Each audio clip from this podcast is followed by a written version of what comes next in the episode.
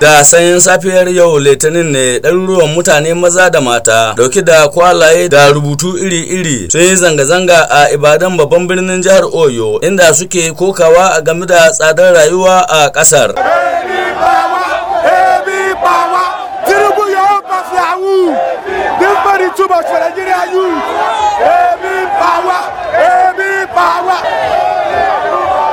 Wata mata ɗaya daga cikin waɗanda na shirya zanga-zangar ta roƙi gwamnati da ta taimaka ma jama'a don ana wahala.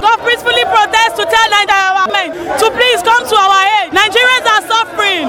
Foods are expensive. No electricity, no water. Insecurity is high. Help Nigerians. Nigerians hungry. Ta ce suna zanga-zangar lumana ne domin su shaidawa gwamnati irin halin da suke ciki don a taimaka musu. Ta ƙara da cewa abinci ya yi tsada, babu wutar lantarki, babu ruwan famfo, rashin tsaro ya yi yawa. Gwamnati ta ceci jama'a. Haka ma wani mai zanga-zangar ya faɗi dalilin sa na shiga zanga-zangar. We are protesting today because of the bad governance we have been expressing as a citizen of Nigeria.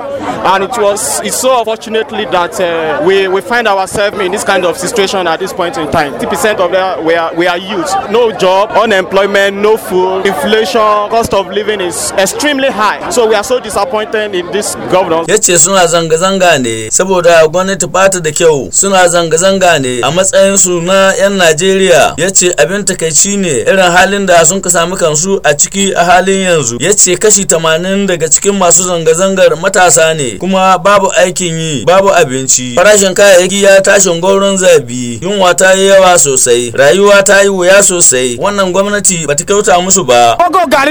Wani mai zanga-zanga ya ce kwanon gari da aka sani da arha a can baya. Yanzu ana sayar da shi akan naira dubu ɗaya da ɗari biyu.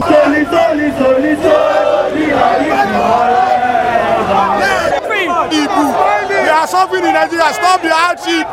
They are selling one cup of Gagi, 120 naira. And the day before, the Gagi now as equally to normal food now. Masu zanga-zangar da suke ɗauke da kwalaye masu rubuce-rubuce kamar haka. Na jin yunwa, Tinubu 'yan Najeriya na wahala, babu tsaro, komi ya ɓaci, komi ya yi tsada da dai sauransu. Jami'an tsaron 'yan sanda, sojoji, civil defense a shataletalen unguwar makwalla a cikin birnin Ibadan suka kewaye masu zanga-zangar don hana yin wani tashin hankali ganan masu zanga-zangar sun yi tataki daga unguwar makwalla ibadan sun kabi ta hanyar itinare zango ibadan suka je a gaban jami'ar ibadan watan uae sai bodija har zuwa unguwar gates ita ma a cikin birnin na ibadan tare da rakiyar jami'an tsaro idan ba a manta ba an taɓa yin irin makamaciyar wannan zanga-zanga a jihohin niger kano da kuma lagos hassan umar tambuwal murar amurka daga Ibadan a Najeriya.